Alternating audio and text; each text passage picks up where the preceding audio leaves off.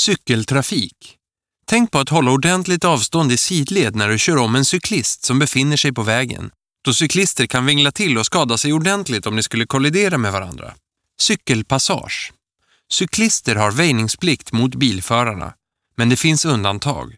Om du korsar en cykelpassage i samband med att du kör ut från en rondell eller svänger är det du som har väjningsplikt.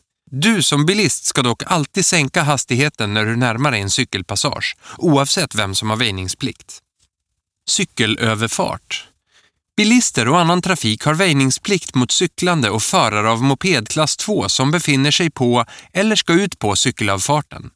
Hastighetsbegränsningen är alltid 30 km i timmen för fordon i området kring en cykelöverfart. Cykelöverfarten markeras alltid med skyltar. Cykelbana. En cykelbana kan vara en separat väg eller en del av bilvägen som är speciellt avsedd för cyklar. Cykelvägarna är till för cyklar och mopeder klass 2. När du som bilförare korsar en cykelbana har du alltid väjningsplikt. Mopeder klass 1, EU-mopeder, ska använda bilvägen även om det finns en cykelbana.